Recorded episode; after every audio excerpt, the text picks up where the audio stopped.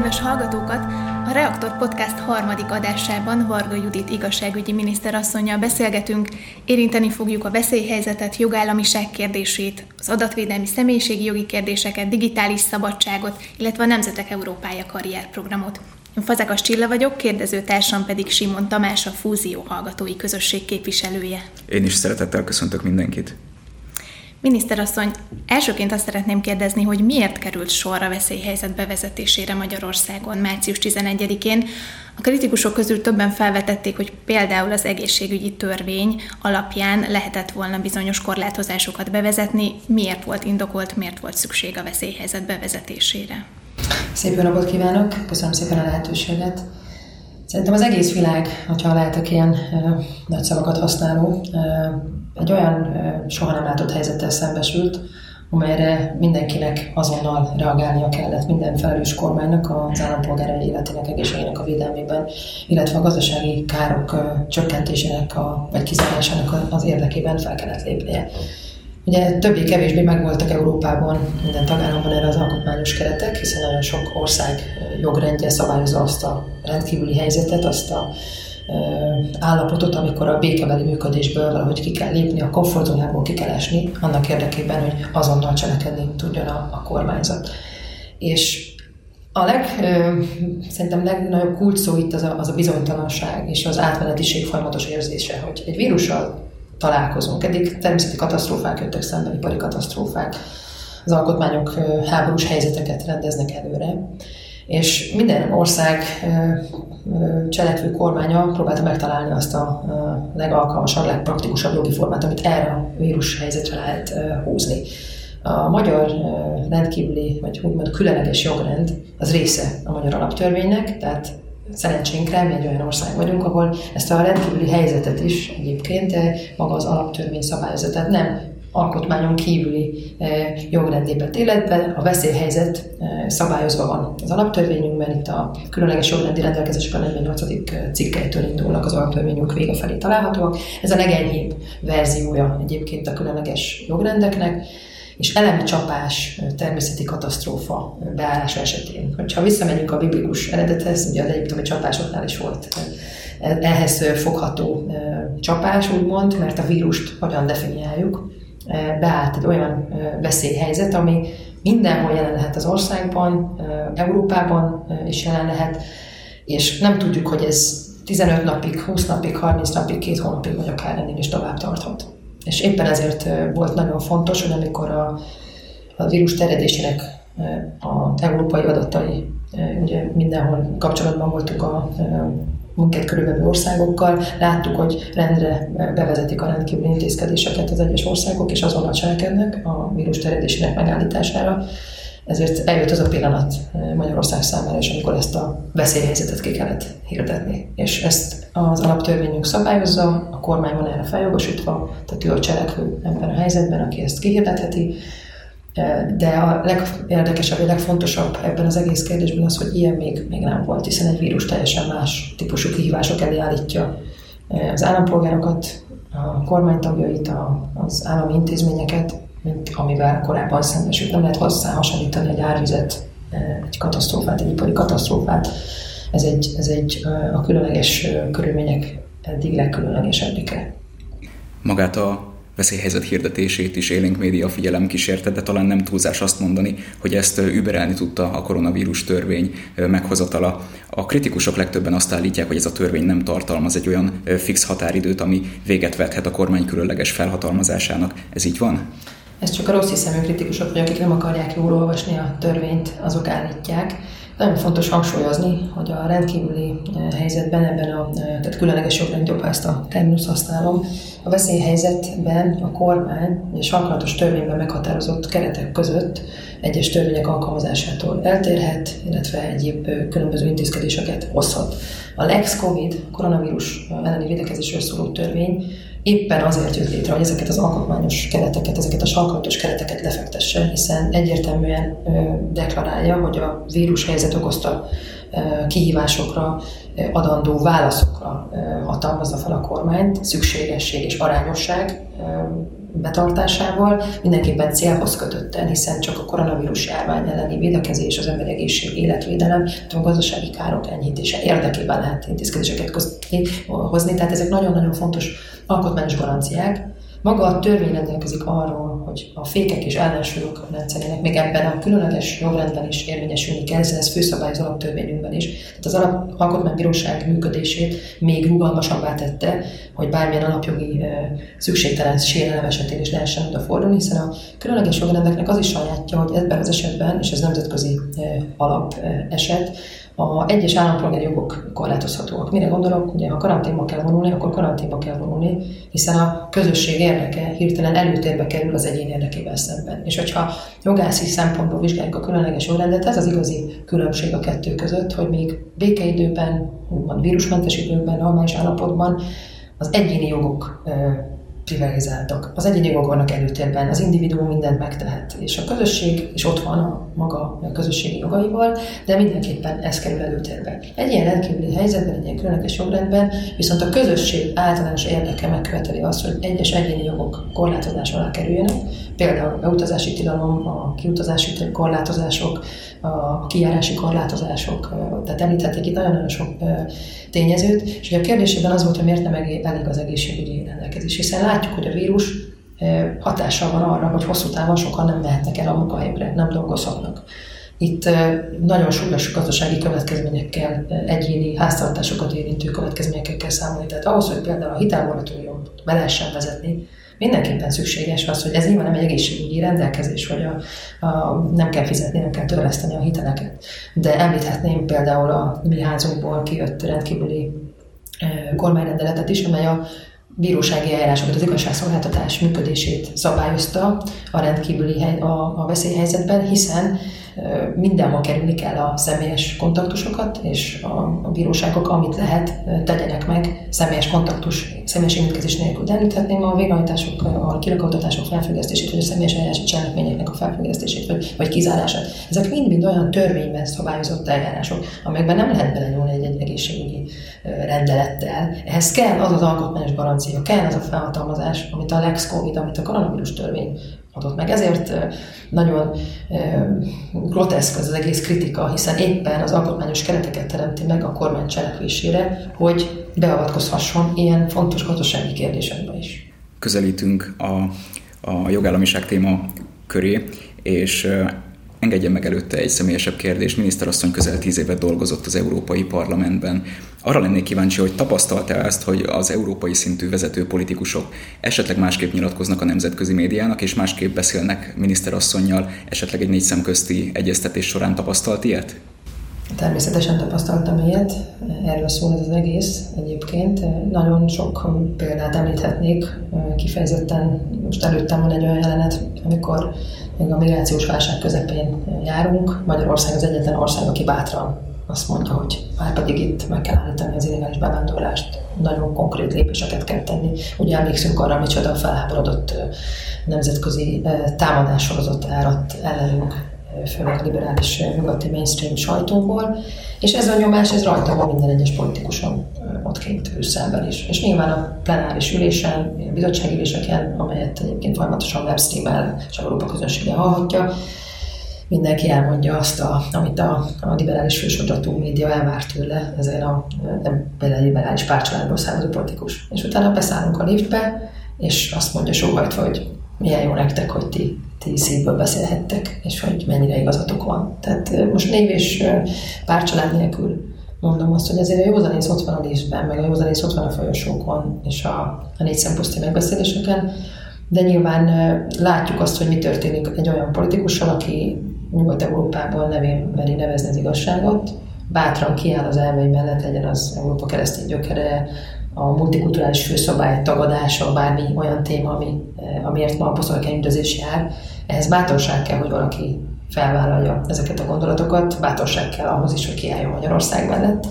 Ezért is tartom egyébként hősies tettnek, amit a Jorová biztos asszony bizottság alelnöke tett a minap. Egyébként én is fogok neki ma levelet ezzel kapcsolatban, hogy kifejezzem azt, hogy ezt értékeltem, ezt a megnyilatkozást, hiszen Ezt olyan szemben kell nézni, hogy hatalmas nyomás alatt vannak ezek a politikusok, és hogyha valaki ebből kibeszél, akkor egy hihetetlen gyors médián átsuhanó lejárató kampányban is lehet része. Emlékszünk, elég sok politikus volt már egy Európában, aki bevándorlás politikával esetleg elmondta a saját véleményét. Tehát ez, ez sajnos jelen van, ez része az európai politizálásnak is, hogy kilenc évben alatt nagyon sok, sok élményben volt részem. Pontosan ez lett volna a következő kérdésem, említette Jurova bizottsági alelnök asszonyt. Itt két dátumot írtam fel magamnak, ez április 17-e, amikor az Európai Parlament elfogadta a Magyarországot is elítélő állásfoglalását, azelőtt, hogy bevárta volna az Európai Bizottság vizsgálatának eredményét, amit Vera Jurova április 29-én közzétett, megerősítette azt, hogy a magyar koronavírus törvény elfogadásával sem Európai Uniós jogszabály, sem pedig az EUS második cikkében lefektetett uniós értékek nem sérültek. Eleve kíváncsi lennék a véleményére ezzel kapcsolatban, hogy hogyan születhetett egy ilyen döntés, hogyan sikerült meggyőzni a biztos asszonyt, illetve azt is feltenném kérdésként, hogy hogyan értékeli azt, hogy az az Európai Parlament és a bizottság, ami eddig kéz a kézben járt, hogyha valamilyen tagállamot kellett jogállamisági témában vizsgálat alá helyezni, most mintha egy kicsit széttarta, széttartana a saját útján, hogyan értékeli ezt? Válaszoljuk külön a két intézményt mindenképpen. Az Európai Parlament definíció alapján egy politikai közösség. És ott mindig az aktuális politikai többség dönt arról, hogy mi legyen az állásfoglalásnak a, a szövege, és jelenleg egy, egy liberális többségű európai parlamentünk van. Ugyanez volt, amely egyébként elindította egy korábbi parlament, de ugyanilyen többségű parlament indította el Magyarországon és a hetes cikke és eljárást. Tehát nagyon visszás az a helyzet, amikor a jogállamiságot úgy vizsgálunk, hogy egy egyértelmű politikai többség döntése van mögötte. Egyértelmű a politikai szándék, a politikai boszorkányüldözés célzata. Én ö, lelkes jogász voltam mindig is, mikor az egyetemen Európáról tanultunk, és bennem megvan mindig az a hit, hogy az európai szerződések őre az az Európai Bizottság. És ott nem csak politikusok, hiszen a biztosok szintén definíció alapján politikai családokból kerülnek ki, de az alattuk dolgozó szervezet egy nagyon masszív szakértői gárda. És ilyen esetekben én mindig bízom abban, hogy az értelmes párbeszéd, az igazi alkotmányos párbeszéd, a jogi vélemények kicserélése eredménye vezethet hosszú távon. És szerintem az is hozzátartozik ehhez a helyzethez, amelyet a tegnap kiküldött miniszterelnöki levélből is kiolvashatunk. Elképesztő az, hogy amikor mindenki a vírussal küzd, a legnehezebb helyzetbe kerülnek a kormányok, a politikai támadás akkor is a legízléstelenebb módon, legkegyetlenebb csap le egyes országokra. És talán túlültek a célon, talán a politika túlgördült. Mert az, az egy alapértelmezett helyzet sajnos, hogy mindig hamarabb készül el a vádirat, mint az, vagy készül az ítélet, mint a vádirat. Bárcsak, ezt sokszor mondtuk kint kollégáimmal, látták volna a Tanú című filmet. De vannak ilyen kultúrtörténeti mérföldkövek, amelyek bizonyos közösségeket összefognak, és félszavakból értjük egymást. Sajnos ezt egy francia vagy egy német kollégámnak nem tudom elmondani, hogy bárcsak láttad volna a tanúfilmet, akkor éreznéd, hogy most miben, milyen helyzetben találjuk magunkat. Tehát nem tudjuk ezeket a kódolt üzeneteket eljutatni hozzájuk, de ez egy, ez egy alapvető működési modell, hogy mindig megvan a politikai vád, a politikai nyilatkozat, és senkit nem érdekelnek a tények. Ráadásul az újságírók legyenek jogi személyek is akár, nem eszik a fáradtságot, hogy a mélyre lássanak a valóságnak.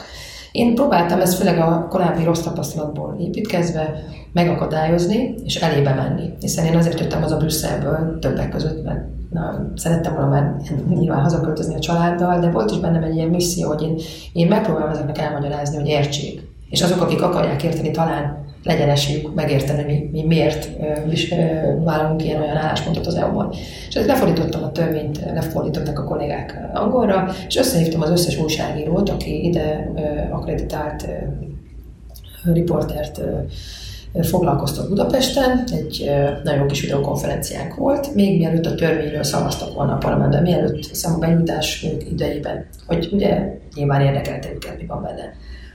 Másfél órán keresztül minden kérdésükre válaszoltam, itt volt teljes európai spektrum a médiából, de mégsem jöttek le valahogy azok a cikkek, amelyek azt a nagyon korrekt tájékoztatást adták volna, vagy volt, aki nem is nagyon tudósított erről, tehát én, én igyekeztem a tényekről tájékoztatni a kollégákat. És a bizottságnál azért, azért mégiscsak jogászok vannak ott, ott. Hosszú távon kell gondolkodniuk, azért a leírt mondatoknak erejük van, és és ráhatnak a jogállamiságra az intézmények működése körében, és amit mi mindig számon kérünk, hogy ne csak a tagállamokon kérjük számon az intézmények működésével, és legyen tisztességes eljáráshoz mondjuk korrekt tájékoztatás, és talán ezek összessége és nyilván az a helyzet, hogy, hogy ez, ez nagyon-nagyon erköstelen tett is volt nagyon sok politikus részről, pont veszélyhelyzetben, amikor mindenki védekezik, még akadályozzák is egymást, ahelyett, hogy szolidárisak lennének. Tehát kicsit hosszú volt a válaszom, de, de nagyon sokat tudnék erről beszélni, hiszen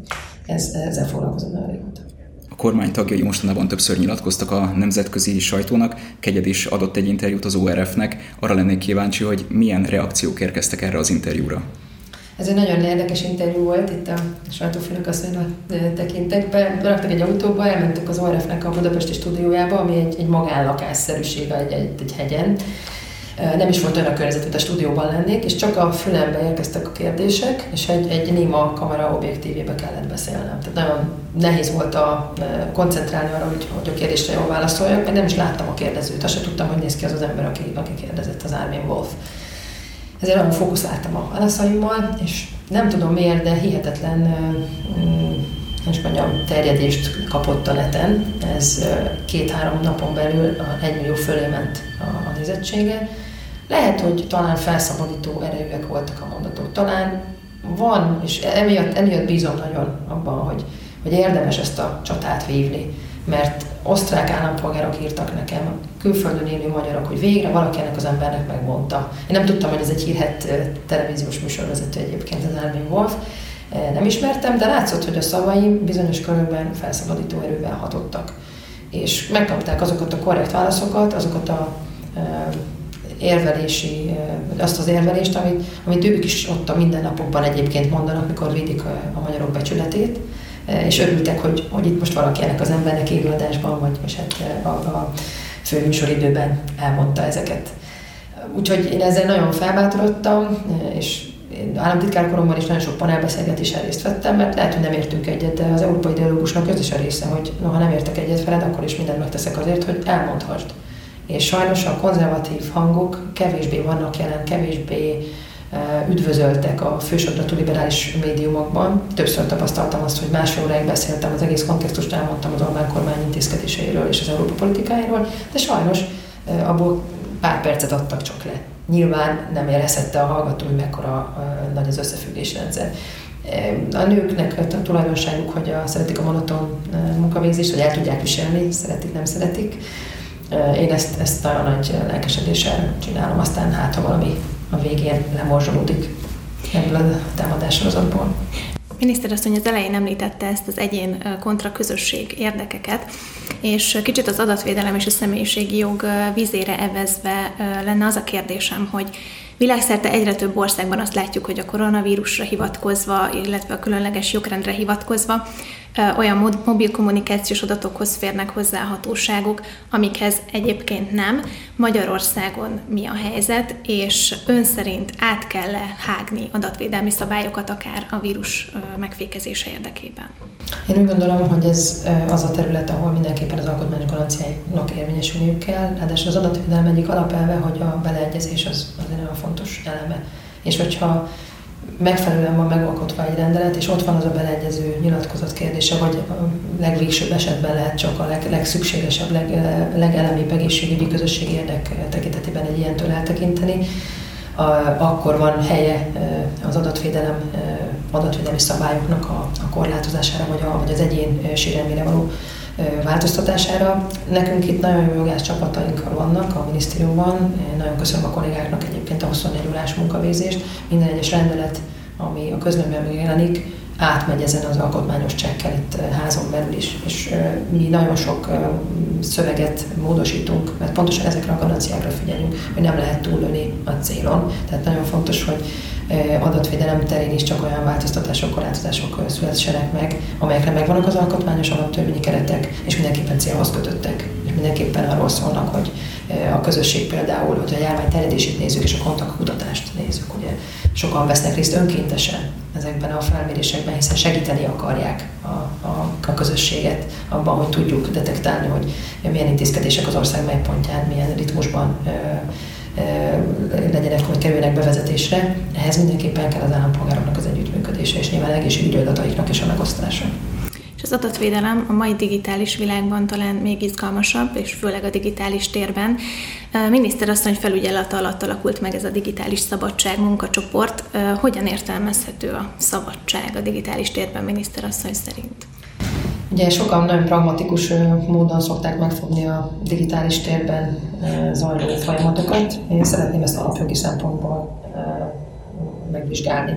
Erről keveset és kevesen beszéltek még eddig, hiszen az én célom az, hogy biztosítsam, hogy a jogállamisági intézmények ugyanúgy a digitális térben is működjenek. Legyen valós jogorvoslat, legyen tisztességes eljárás. Tudjuk, hogy mi zajlik az adataink kik kezében, és mire kerülnek felhasználásra. Van-e mindenhol hozzájáruló nyilatkozat kérése? Működik-e maga ez az alkotmányos garancia, és a véleménynyilvántás szabadsága itt a, a szabadság szó innen származik egyébként, hogy én korlátozásmentesen nyilván betartva az alapvető garanciális szabályokat, hiszen nem lehet uszító tartalom a közösség oldalakon, nem lehet terrorista tartalom, ezek mind-mind egyértelmű világos korlátok. Viszont sokszor van az, hogy nem tudhatom, hogy ha én rákattintok egy mosógépre, vagy rákattintok akár egy politikus oldalának a követésére, vajon az én döntésem teljes szabadságon alapult-e, vagy már a nagy adathalmaz segítségével különböző befolyásolási műveleteken estem át, amelyet, amelyet nem is tudok átfogni, hiszen nem, nem én uralom akár a hírfolyamomat, hiszen azt nekem feldobják, és fontos ezt tudatosítani a fogyasztóban, az állampolgárban, hogy mi az az az a folyamat, ami alapján ő bizonyos típusú híreket megkap, bizonyos típusú reklámokat megkap, legyen ez mind átlátható, legyen átlátható a szabályrendszer, és ne okuljanak ki államokhoz, állami jogrendekhez nem köthető, nevezett pseudo jogrendszerek, amikor egyes nagyvállalatok pont a túlhatalmuknak köszönhetően gyakorlatilag államként működnek, eh, államok nélkül és országhatárok nélkül. És még egy országban, ha tudom, hogy én ennek az állampolgára vagyok és jogsírelemért, akkor tudom, hogy hova kell elmennem, és milyen különböző fokozatokban tudom keresni az igazamat. Hogyha ez a garanciális forrórendszer például elérhetetlen, megfoghatatlan, átláthatatlan, hiszen kibeszélget velem, amikor panaszom van valaki, aki Ázsiában ül éppen, vagy, vagy itt ül Budapesten, nagyon fontos, hogy, hogy ezt a biztonságot megadjuk, működjön a jogállam az internetes térben is, ugyanakkor legyen véleménynyilvánítás valódi szabadsága és valódi fogyasztói szabad döntés ne befolyásolt. Miniszterasszony is említette, hogy ezek a globális technológiai óriások gyakran állami méretű pénzek felett diszponálnak, és emberek milliárdjainak nyújtanak szolgáltatást. Két kérdést szeretnék ezzel kapcsolatban feltenni. Fel tudja-e ez ellen venni a versenyt egy 10 milliós Magyarország? Illetve a másik, hogy milyen lépések ebben gondolkodnak, esetleg adóztatás is szóba kerülhet? Ezek már mind úgymond nyitott kapuk, hiszen nagyon régóta beindult az adó politikában a gondolkodás. 10 milliós ország kérdésre reagálva egyértelműen azon a telepen vagyunk, ahol, ahol a nemzetközi összefogás nagyon fontos, hiszen országhatárokon átnyúló tevékenységeket kell valamilyen szinten szabályozni és megfogni és értelmezni, ezért nagyon fontos a nemzetközi egyezmények terepen, nagyon fontos az Európai Unióban lévő együttműködés. Már ott is egyébként volt erre egy tervezet, de akkor néhány tagállam ellenkezésén megakadt, hogy hogyan adóztassák meg ezeket a cégeket, akkor utána volt egy-két egyéni tagállami próbálkozás, Franciaországban próbáltak bevezetni egy digitális adót, egyértelmű volt utána a, a, a gazdaság reakciója, és aztán fel is függesztették a franciák ennek az adónak a érvényesítését. Tehát ez egy, ez egy nagy falat. Hangsúlyozom, hogy ez is egy fontos kérdés, fontos szegmensen a digitális szabadság munkacsoportnak a tevékenységének, de nem ez a fő célunk, hogy a adópolitikával foglalkozunk, csak egy része mivel az időnk végéhez értünk, miniszterasszonyt végül arra szeretném kérni, hogy a Nemzetek Európája karrier programról beszéljen egy kicsit, hiszen a fiatalokat talán különösen érdekli ez a terület. Kinek javasolja a jelentkezést, és miért gondolja úgy, hogy fontos, hogy elindul szeptemberben a Nemzeti Közszolgálati Egyetemmel, illetve az Igazságügyi Minisztériummal közösen ez a képzés? Nagyon örülök ennek a programnak, ez egy régi vágyam volt, hogy ilyen legyen Magyarországon, és ha már volt az elején személyes példa, akkor vagy zárom személyes példával. Amikor én annak idején kimentem Brüsszelbe tanácsadóként dolgozni, friss jogi szakvizsgám volt, ugye annak része az EU jog is, a C részének jogi szakvizsgánál. Mindent megtanultam, hány alelnöke van az Európai Parlamentnek, hány questor, ilyen adathalmaz volt a fejemben. És kimentem, és néztem ott az Európai Parlament folyosóján bele a, a nagy térbe, hogy na itt akkor most hogy kell azt elérni, hogy az a magyar ipart védő módosító indítvány végül az irányelv részévé váljon. És még az ember ezt az utat megtanulja, az nagyon sok elfogyasztott kávé, nagyon sok telefonbeszélgetés, e-mailezés, több hónap, több év áldozatos munkája, még rájövök arra, hogy, hogy hol is van itt azért a csízió, hol van itt a lényeg. És lehet, hogy a lényeg adott dosszi esetében egy fontos titkársági ügyintéző, aki összeállítja a napi rendet a bizottsági ülésekre, és akkor az ember megtanulja, hogy ha a magyar érdeket akar érvényesíteni, akkor mik azok az informális és formális csatornák, amelyeken keresztül tényleg eljut az eredményhez, és ez semmi esetre sem az, amit amúgy a merev, statikus tankönyvekből az ember megtanulhat. És pontosan az volt a célom, amikor ezt még korábban a miniszterelnökséggel együtt kezdeményeztük, én akkor még uniós államtitkár voltam, hogy adjunk egy ilyen gyakorlatias képzést az itteni európai lelkesedő fiataloknak, hogy amikor kimennek, akkor ne úgymond 0 kilométerrel kezdjék, hanem legyen már egy olyan élményük, amit a tanáraikon keresztül első kézből megkaphattak a brüsszeli munkavégzésről, és ezt, a, ezt az időt ezt spóroljuk meg már itthon. Ez az egyik része, ez, ez nagyon fontos, hogy a gyakorlati, gyakorlatias politikára, mi történik a tanács folyosói, mi történik az Európai Parlament liftjeiben, mit csinálnak a bizottságban, ez itt, itt több tízezer ember dolgozik együtt, rengeteg kívülről felfogadatlan méretű dossziékon. Hogy kell ebben a dzsungelben eligazodni? Másik nagyon praktikus része, hogy Ugye mindannyian hallottunk a hírhet híres EPSO vizsgáról, ami az európai intézményekbe a belépőt jelenti. Ez egy, ez egy hihetetlenül, én, én droidoknak sem ajánlom, mert annyira, annyira kemény vizsga, ugye be kell gyakorolni, és egy perc alatt kell nagyon bonyolult matematikai számtani feladatokra válaszolni. Ezekre megvan a módszer, hogy lehet felkészülni. És ezt a technikai feltételt fogja biztosítani maga a képzés, hogy a hallgatók, akik ezt a vizsgálat akarják tenni, akkor a képzés keretében tudjanak szintén erre felkészülni. Ennek ugye nagy költsége is van, ezt is nyilván biztosítja majd a képzés. Tehát mindenképpen fontos, hogy az első akadályt, ami ez a, a vizsga, ami egyszázalékos sikerátával szokott sikerülni Európában, hiszen nagyon-nagyon sokan jelentkeznek a különböző tagállamokból, hogy erre még több esélye legyen a magyar jelentkezőknek, és ennek egy, egy módszeres felkészítését is fogjuk biztosítani. Tehát ez két lábon áll és nagyon nagy szeretettel várunk minden érdeklődő fiatalt. 35 év alatt egyébként tette elég, elég széles a jelentkezőköre. Köszönjük szépen miniszterasszonynak, hogy válaszolt a kérdéseinkre, nektek pedig köszönjük azt, hogy meghallgattatok. Kövessétek a react.hu weboldalt, a Reaktor és a Fúzió közösség Facebook oldalát is.